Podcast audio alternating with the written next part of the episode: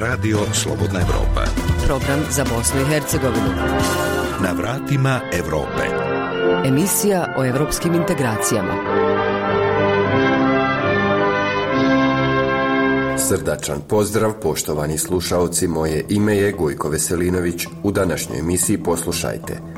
Usvojena inicijativa poslanika u parlamentu BiH Zukana Heleza za donošenje zakona koji će omogućiti ispunjavanje 14 prioriteta koje je EU postavila pred BiH na putu članstva. Ja sam predao inicijativu da svaki mjesec najmanje po jedan zakon počevši od aprila bude usvojen jer ovo je dugo na čekanju. Potpuni je zastoj bio, ni jedan se zakon nije usvojio otkako smo imenali ovo vijeće ministara i ovaj saziv parlamenta. Osnovna škola Vuk Karadžić iz Doboja osvojila prvo mjesto i nagradu od 50.000 evra na konkursu Europske komisije za projekat promocije fizičke aktivnosti kod djece sa posebnim potrebama. Novac će biti iskorišten za izgradnju igrališta za djecu sa smetnjama u razvoju. I gdje ćemo mi stvarno se potruditi da maksimum izvučimo iz svega toga da napravimo ovo ovdje igralište u Unsko-Sanskom kantonu sve je manje učenika u osnovnim školama zbog iseljavanja stanovništva koje odlazi u zemlje Evropske unije. Trenutno u ovoj našoj školi imamo negdje oko 640 učenika. Za ovu godinu smo izgubili čitavo jedno odjeljenje u Livnu pokrenut projekat podrške nadarenim učenicima. Jer darovita djeca su ona djeca koja vuku ovaj sustav naprijed i koja su sutra budućnost naše županije i vaše županije. U Brčkom provedena je koakcija Očistimo Majevicu u kojoj je započeto obilježavanje planinarskih staza, postavljanje putokaza i edukativnih panova. Ova akcija finansirana je sredstvima Evropske unije. Ovom prilikom postavit ćemo 10 putokaza za čisto označavanje nekih bitnih e, staza na Majevici. Predstavljamo Irvina Mujičića, povratnika u Srebrenicu, koji u ovom gradu pokreće projekat za razvoj seoskog turizma. Na Alpe sam odrastao i tako tu narod se bavi planinarenje, volji prirodi. Dolaze narod iz velike gradove za vikend, za planinarenje i te vrste stvari. Zato kad sam vidio ovo područje, rekao sam zašto ne bi i mi mogli nešto tako da pokrenemo. Slušajte nas, gledajte nas, čitajte nas. Sve na jednoj adresi slobodnaevropa.org.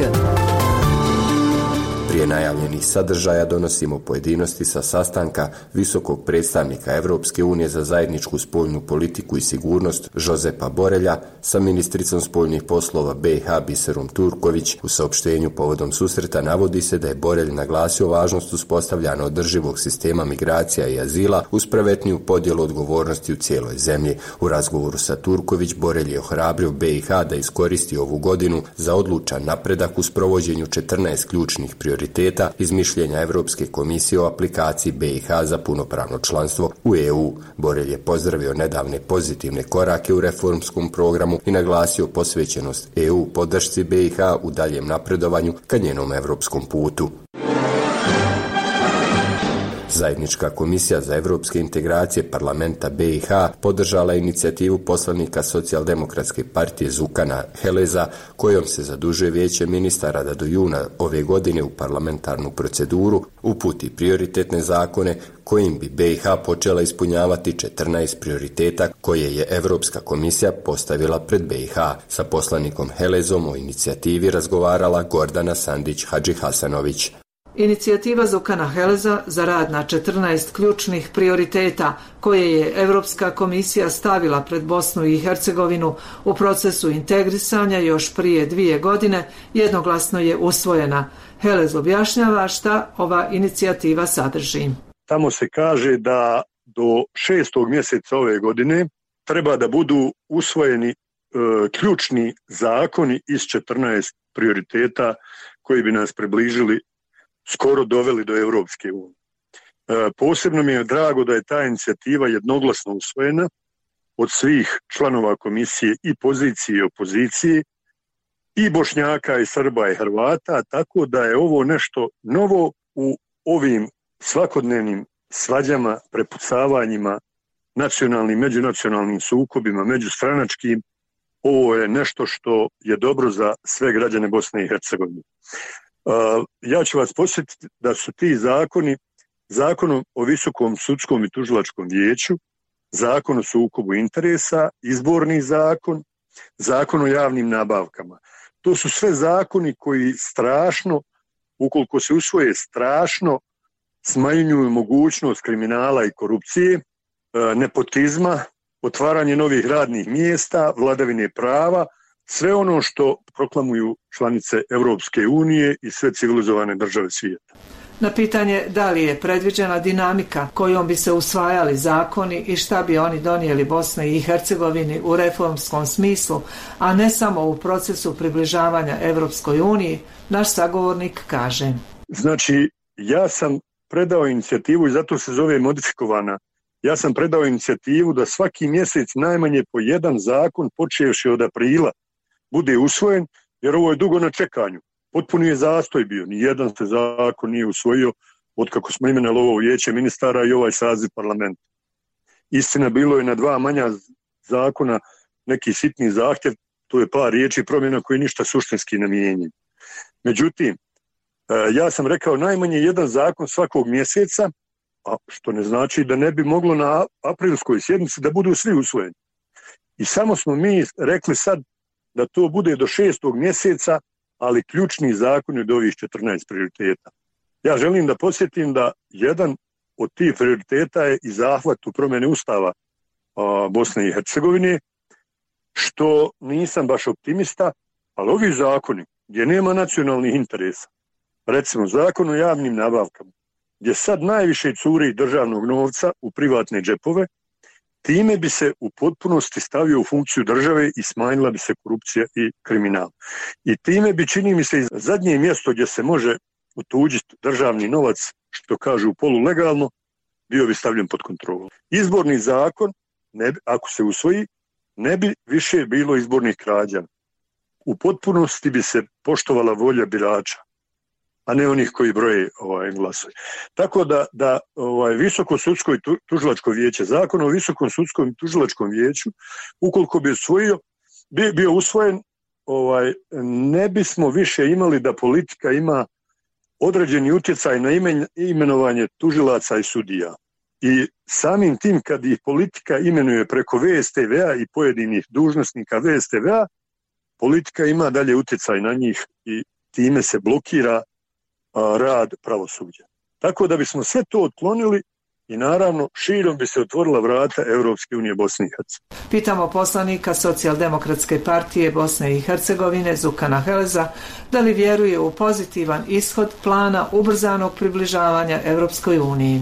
Gledajte, ja ono što je do mene kao zastupnik, ja sam onaj uradio i rijetko će se desiti da bilo koja inicijativa i zato sam pozitivno šokiran bude usvojena jednoglasno i od pozicije i od opozicije, od svih i Srba i Bošnjaka i Hrvata i to me raduje. Ja mislim da je to neki novi iskorak i rekao sam i na komisiji da ovaj svima nama djeca odlaze iz ove države. Svi zajedno patimo. Nema ni u jednom od ovih zakona ni pisma, ni granice, ni zastave, ni jednog nacionalnog interesa a u stvari u svi, svi ovi zakoni su bosansko-hercegovački nacionalni interesi. Skupštinska komisija za europske integracije podržala je i plan prioriteta rada parlamenta u Bosni i Hercegovini kako bi se ubrzao proces europskih integracija. Iz Sarajeva za radio Slobodna Europa Gordana Sandić Hadži Hasanović. Reforme za Europu.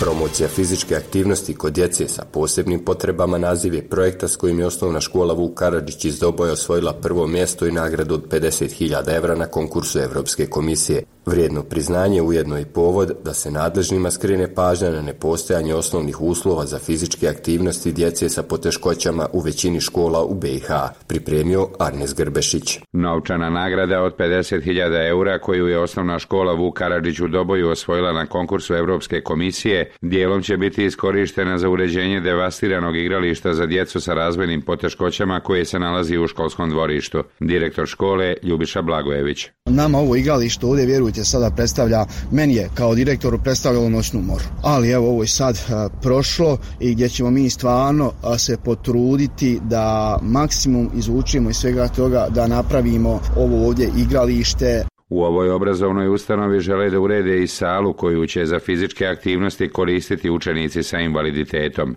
Za mene kao direktora je tužno kada uđem u fiskulturnu dvoranu dijete koje je u redovnoj nastavi, znači sjedi u kolicima sa strane i posmatra kako drugari e, rade čas fizičkog vaspitanja.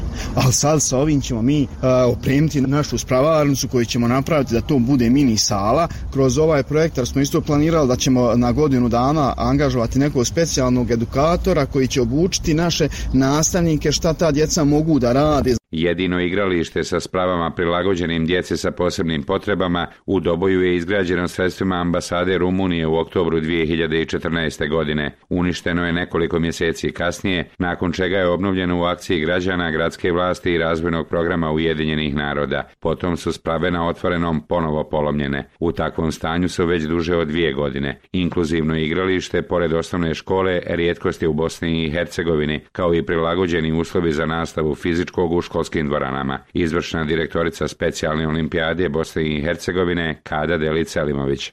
Ali redovne škole koje bi trebale raditi o inkluziji, inkluzivnim aktivnostima, onda je to malo uh, teško reći da imamo ikakve uslove kada govorimo o samim sportskim terenima, sportskim dvoranama, slačioncama, pristupu. Ove navode potvrđuje i Nermina Mujić iz Zavoda za odgoj i obrazovanje osoba sa smetnjama u psihičkom i tjelesnom razvoju iz Tuzle. Ona je trenerica i voditeljica školskog kluba specijalnih sportova. Uvijek problem je oko novca, da se to uradi, a poznavajući i kako škola ovaj dobije novac, mislim, to je malo teško jer od ministarstva sve zavisi i ako škola nema znači ovaj dobar menadžment da napravi neki projekat za obavljanje aktivnosti djece sa invaliditetom, sve svodi se znači ipak na, na novac. Ali što se tiče ovako, govoreći u globalu, da, da li je to teško, ovaj nije, jer vrlo malo djeci sa invaliditetom treba. Nas nastavnica engleskog u Dobojskoj školi Vuk Karadžić Milena Janković. Nije bilo lako napisati projekat, nije bilo lako aplicirati sa svojom inicijativom prema Evropskoj uniji. Konkurencija je bila zaista velika, znači učestvovale su sve članice Evropske unije, 60 škola je bilo prijavljeno za dodjelu te prestižne nagrade 2020 European Union Health Award. Mislim da nas izvojilo to što smo jedini koji smo se bavili problematikom djece sa posebnim potrebama. U školi se nadaju da će nadležni političari osigurati sredstva za izgradnju dnevnog boravka, posebnih toaleta i drugih prostorija, ističe njen direktor Ljubiša Blagojević. Mi ćemo iz ovoga projekta završiti igralište, završiti mini salu za tu djecu, i ako bi ovo uspjeli da završimo, onda bi stvarno bili škola možda za, za, za primjer u cijeloj Bosni i Hercegovini koja bi imala sve na jednom mjestu. Dobo je pripao resursnom centru za takvu djecu, znači gdje je sjedište u Prijedoru. Znači zašto mi ne bi na osnovu ovoga svega onda mi bili resursni centar u Doboju za ovu našu regiju. Nermina Mujić iz Tuzle kaže da su fizičke aktivnosti važne za pravilan razvoj svakog djeteta, te naglašava. Zamislite dijete koje ovaj, ima neki invaliditet. Njemu je kako fizička aktivnost potrebna za njegovu rehabilitaciju. E, fizička aktivnost na prvom mjestu pa tek onda ovaj sve ostalo. Još jednom izvršna direktorica specijalne olimpijade Bosne i Hercegovine Kada Delica Limović. Ovdje se prije svega govori o razvijenosti svijesti, počeo od nas roditelja, preko učenika i onih koji su nadležni za, za sprovođenje takvih jednih programa kada se govori o inkluziji, a onda da dovežemo se i na međunarodne institucije koje pokušavaju u, svaka u svom domenu da sprovodi različite inkluzivne projekte, ali onda opet kažem, nekako sam stava da nešto je upitana specijalna olimpijada koja ima takve razvijene programe u 195 zemalja, da je to logično da mi to samo primijenimo u Bosni i Hercegovini u granicama svojih mogućnosti, sposobnosti, a prije svega želje i napora da kažemo da mi govorimo i pričamo o inkluziji da se ona živi, a ne da se samo o njoj priča. Za radio Slobodna Evropa iz Doboja, Arnes Grbešić. Prema podacima vaspitno-obrazovnih ustanova u Unsko-Sanskom kantonu, u proteklih godinu dana zbog odlaska stanovništva van granica zemlje ispisano je 338 učenika. Kao neminovna posljedica najavljuje se mogućnost zatvaranja nekih školskih objekata, prije svega područnih škola koji iz godine u godinu imaju sve manje učenika. Prilog Azre Bajrić. Kada je prije nešto više od dvije decenije počeo raditi u osnovnoj školi Stijena, Sulejman Kaljiković, danas direktor škole, kaže kako je nastavu pohađalo oko 1550 učenika u centralnoj i pet područnih škola. Posljednjih se godina broj učenika konstantno smanjuje, kako zbog pada nataliteta, tako više zbog trenda iseljavanja stanovništva. Djeca nam odlaze, znamo zašto i zbog čega, prije su odlazili samo roditelji raditi, a danas odlaze i roditelji i učenici. Tako da trenutno u ovoj našoj školi imamo negdje oko 640 učenika. Za ovu godinu smo izgubili čitavo jedno odjeljenje. Znači jedan razred ili, kako mi volimo reći, direktori jedno radno mjesto. Slična je situacija i u većini od 11 cazinskih osnovnih škola. Odlaze cijele porodice, učenika je sve manje, učionice poluprazne, a nekima prijeti ključ u bravu. Hajrudin Okanović, direktor osnovne škole Ostrožac. Centralna škola Ostrožac je imala 1200 učenika prije rata, Zadnjih 15 godina taj se broj prepolovio. Tad smo imali oko 800, a sad imamo oko 450 učenika zajedno sa područnim školama. Pali smo ispod 500 učenika. Područne škole nam broje između 40 i 50 učenika koji su najviše podijeljeni znači u kombinacije i, i trokombinacije ali moram isteći da imamo e, smanjen upis učenika u prvi razred. Znali smo nekada da imamo i po 70, 80, a sad ih imamo isto tako upola manje. 40 svega ukupno. Znači, centralnoj je ove godine bilo 25, ali sljedeće godine će biti 10. Osnovna škola Šturlić također bilježi negativne indikatore kada je u pitanju broj učenika. Organizirati nastavu predstavlja sve veći izazov, kaže Abi Domanović, direktor škole. U, u centralnoj školi imamo 220 učenika, u potrebnoj školi Stručka placa imamo 30 učenika. Imamo i dalje trend smanjenja učenika, roditelji odlaze uglavnom Slovenija najviše, svake godine ode od 15-20 učenika, to već dugo traje. Sad je malo ova epidemija zaustavila, ali koliko će to biti ne znam. Da je pandemija u proteklih godinu dana samo usporila, no ne i zaustavila trend iseljavanja, potvrđuju i podaci Ministarstva obrazovanja Unsko-Sanskog kantona. Albijana Trnavci, sekretar ministarstva. Radi se o negdje oko 250 učenika koji su ispisala se iz e, naših osnovnih škola, a što se tiče srednjih škola radi se o 88 učenika. Za građane, prije svih roditelje, mogućnost odlaska van granica vidi se kao nada u bolji život. Muhare Majdinović. To bi išao za bolji život. Vidiš ti, mi smo ostali bez ičega. Mladi oš, selo jedno nemaš naći ništa, niku. Sve ošlo, odvelo ženu, djetu. Prvi moj sin ošao svak. Mora tako ići. Obim iseljavanja iz Unsko-Sanskog kantona, odnosno cijele zemlje, ilustruju i brojni drugi pokazatelji od pada broja osiguranika do povećanog broja zahtjeva za razne dokumente neophodne za regulisanje radne vize van granica. Sve ipak ostaje na statističkim podacima dok konkretnih mjera države nema, a prazne školske klupe trebale bi, ako ništa drugo, bar zabrinuti nadležne. Za Radio Slobodna Europa, Azra Bajrić.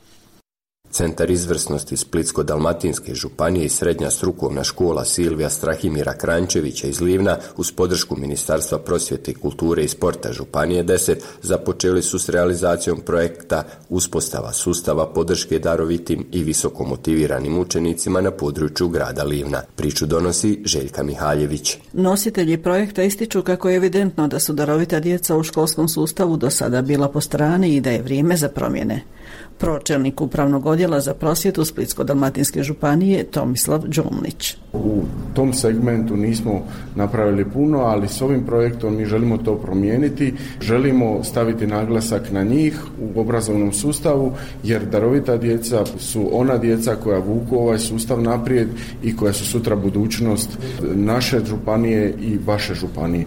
Ono što svakako moramo naglasiti da je najveći potencijal tih dviju županija u ljudima koji su najveći kapital. Prema tome treba uložiti u ljude da bismo sutra zajedno sa njihovim znanjem i iskustvom svi zapravo išli naprijed. Anđelka Knežević, pomoćnica gradonačelnika Livna za opću upravu i društvene djelatnosti, istaknula je dobru suradnju grada sa strukovnom školom u Livnu, te dodala. E, sretni smo što, što smo ugledali realizaciju ovog projekta u našem gradu.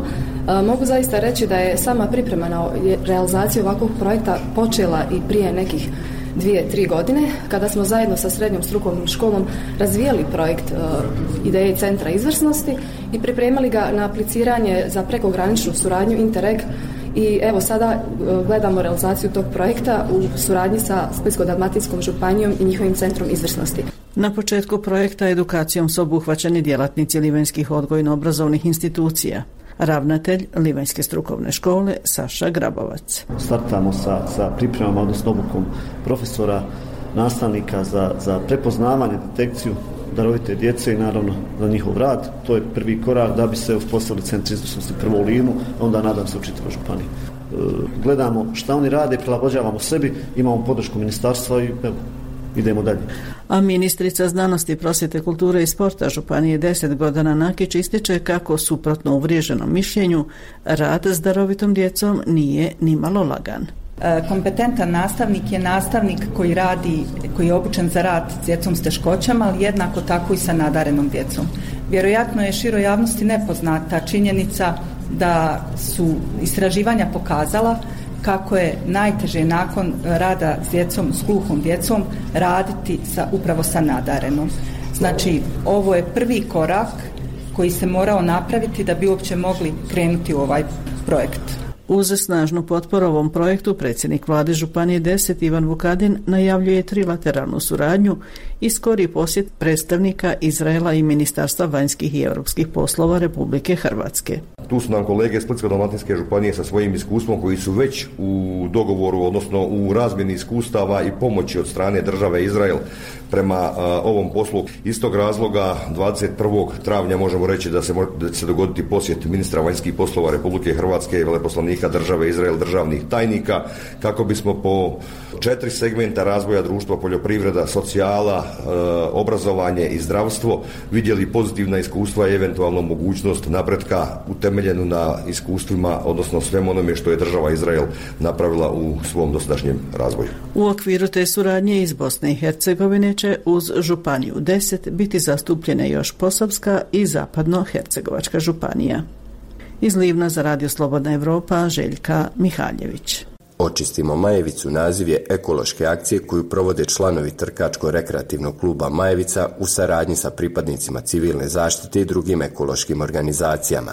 Ova akcija započeta prošlog vikenda nastavlja se u narednom periodu radom na obilježavanju planinarskih staza, postavljanja putokaza i edukativnih panoa koji su obezbeđeni sredstvima Europske unije, pratio Zoran Matkić. Preko stotinu Brčaka, među kojima i veliki broj mladih, odazvao se pozivu Brčanskog trkačko-rekreativnog kluba kako bi planina Majevica umjesto odlagališta smeća postala ljepše mjesto za ljubitelje prirode i one koji pohode ovu planinu.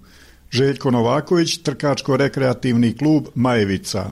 Ovom prilikom u partnerstvu sa planinarskim društvom Granaš, uh, offroad klub, klubom 4x4, uh, civilnom zaštitom i klubom ljubitelja prirode, okupili smo se ovdje, nas nekih stotinjak, da na terenu otprilike od nekih 25 km obiđemo tu trasu i da očistimo što je moguće više otpada.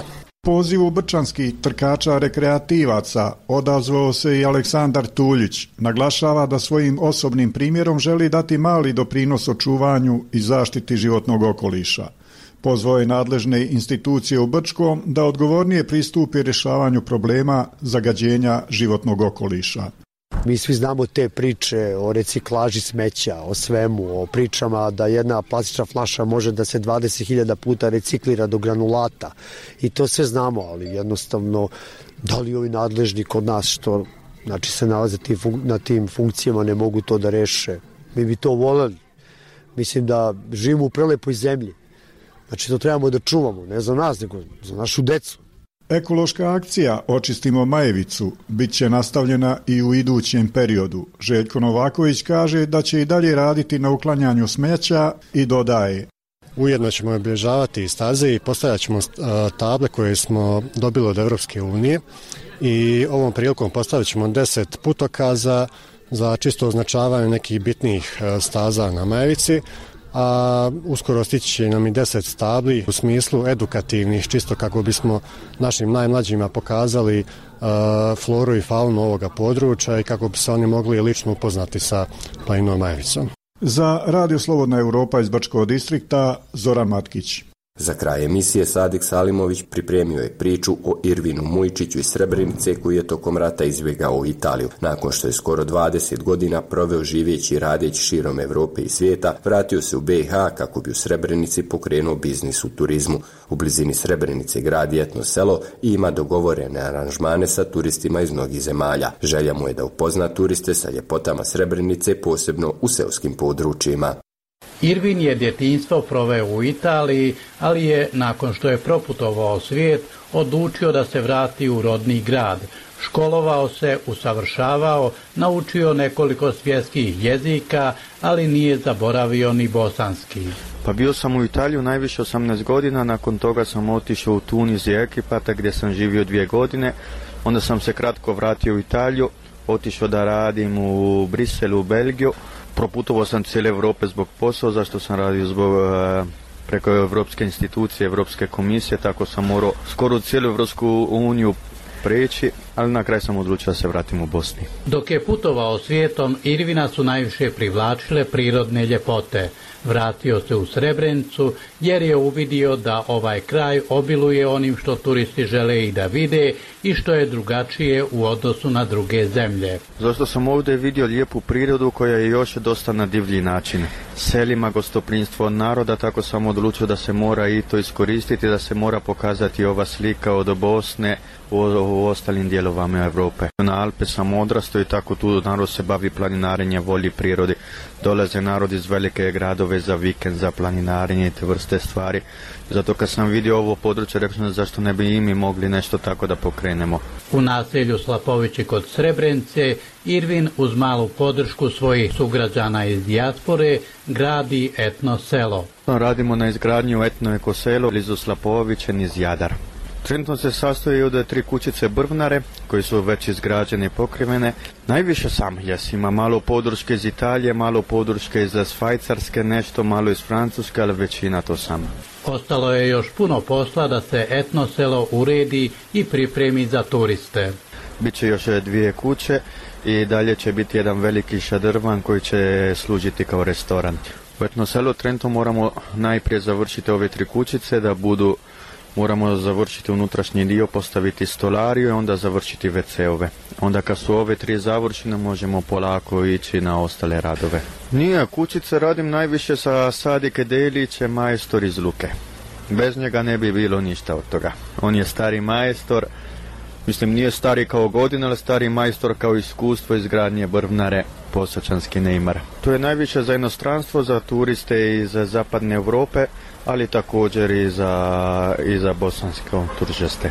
Turističku ponudu Irvin će upotpuniti brojnim sadržajima. Pa bit će najviše ture, pješke, planinarenje i tako dalje, ali uz toga će biti posjeta na selima, onda seoski života, zdrava rana, jahanje konja kod Emin Bektić u Jasenove i tako dalje. Imao je Irvin turističkih tura i u proteklih nekoliko godina. Hoće iz Italije, ali tek smo imali posjeta iz Holandije i iz Njemačke, zašto su zainteresovani za takve vrste stvari i tako su postali, su poslali jedan izviđivač da vidi kakve su ture, kakve su ponude, da bi mogli i u te dvije zemlje da, da dolaze goste. Irvin ima i dug prema svom gradu iz porodičnih razloga. Vidio sam ovaj kraj da izumire.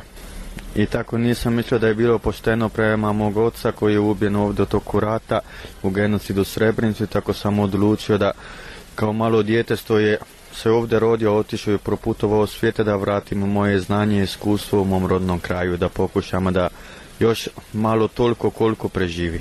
Na ovaj način Irvin želi da približi Srebrenicu Europi i da pokaže isprepletane kulture koje su se tokom više stoljeća razvijale u Srebrenici. Kada razmišljamo oko jela imamo u Bosnu, sve to izmiješano između Turske, Austro-Ungarske i tako dalje.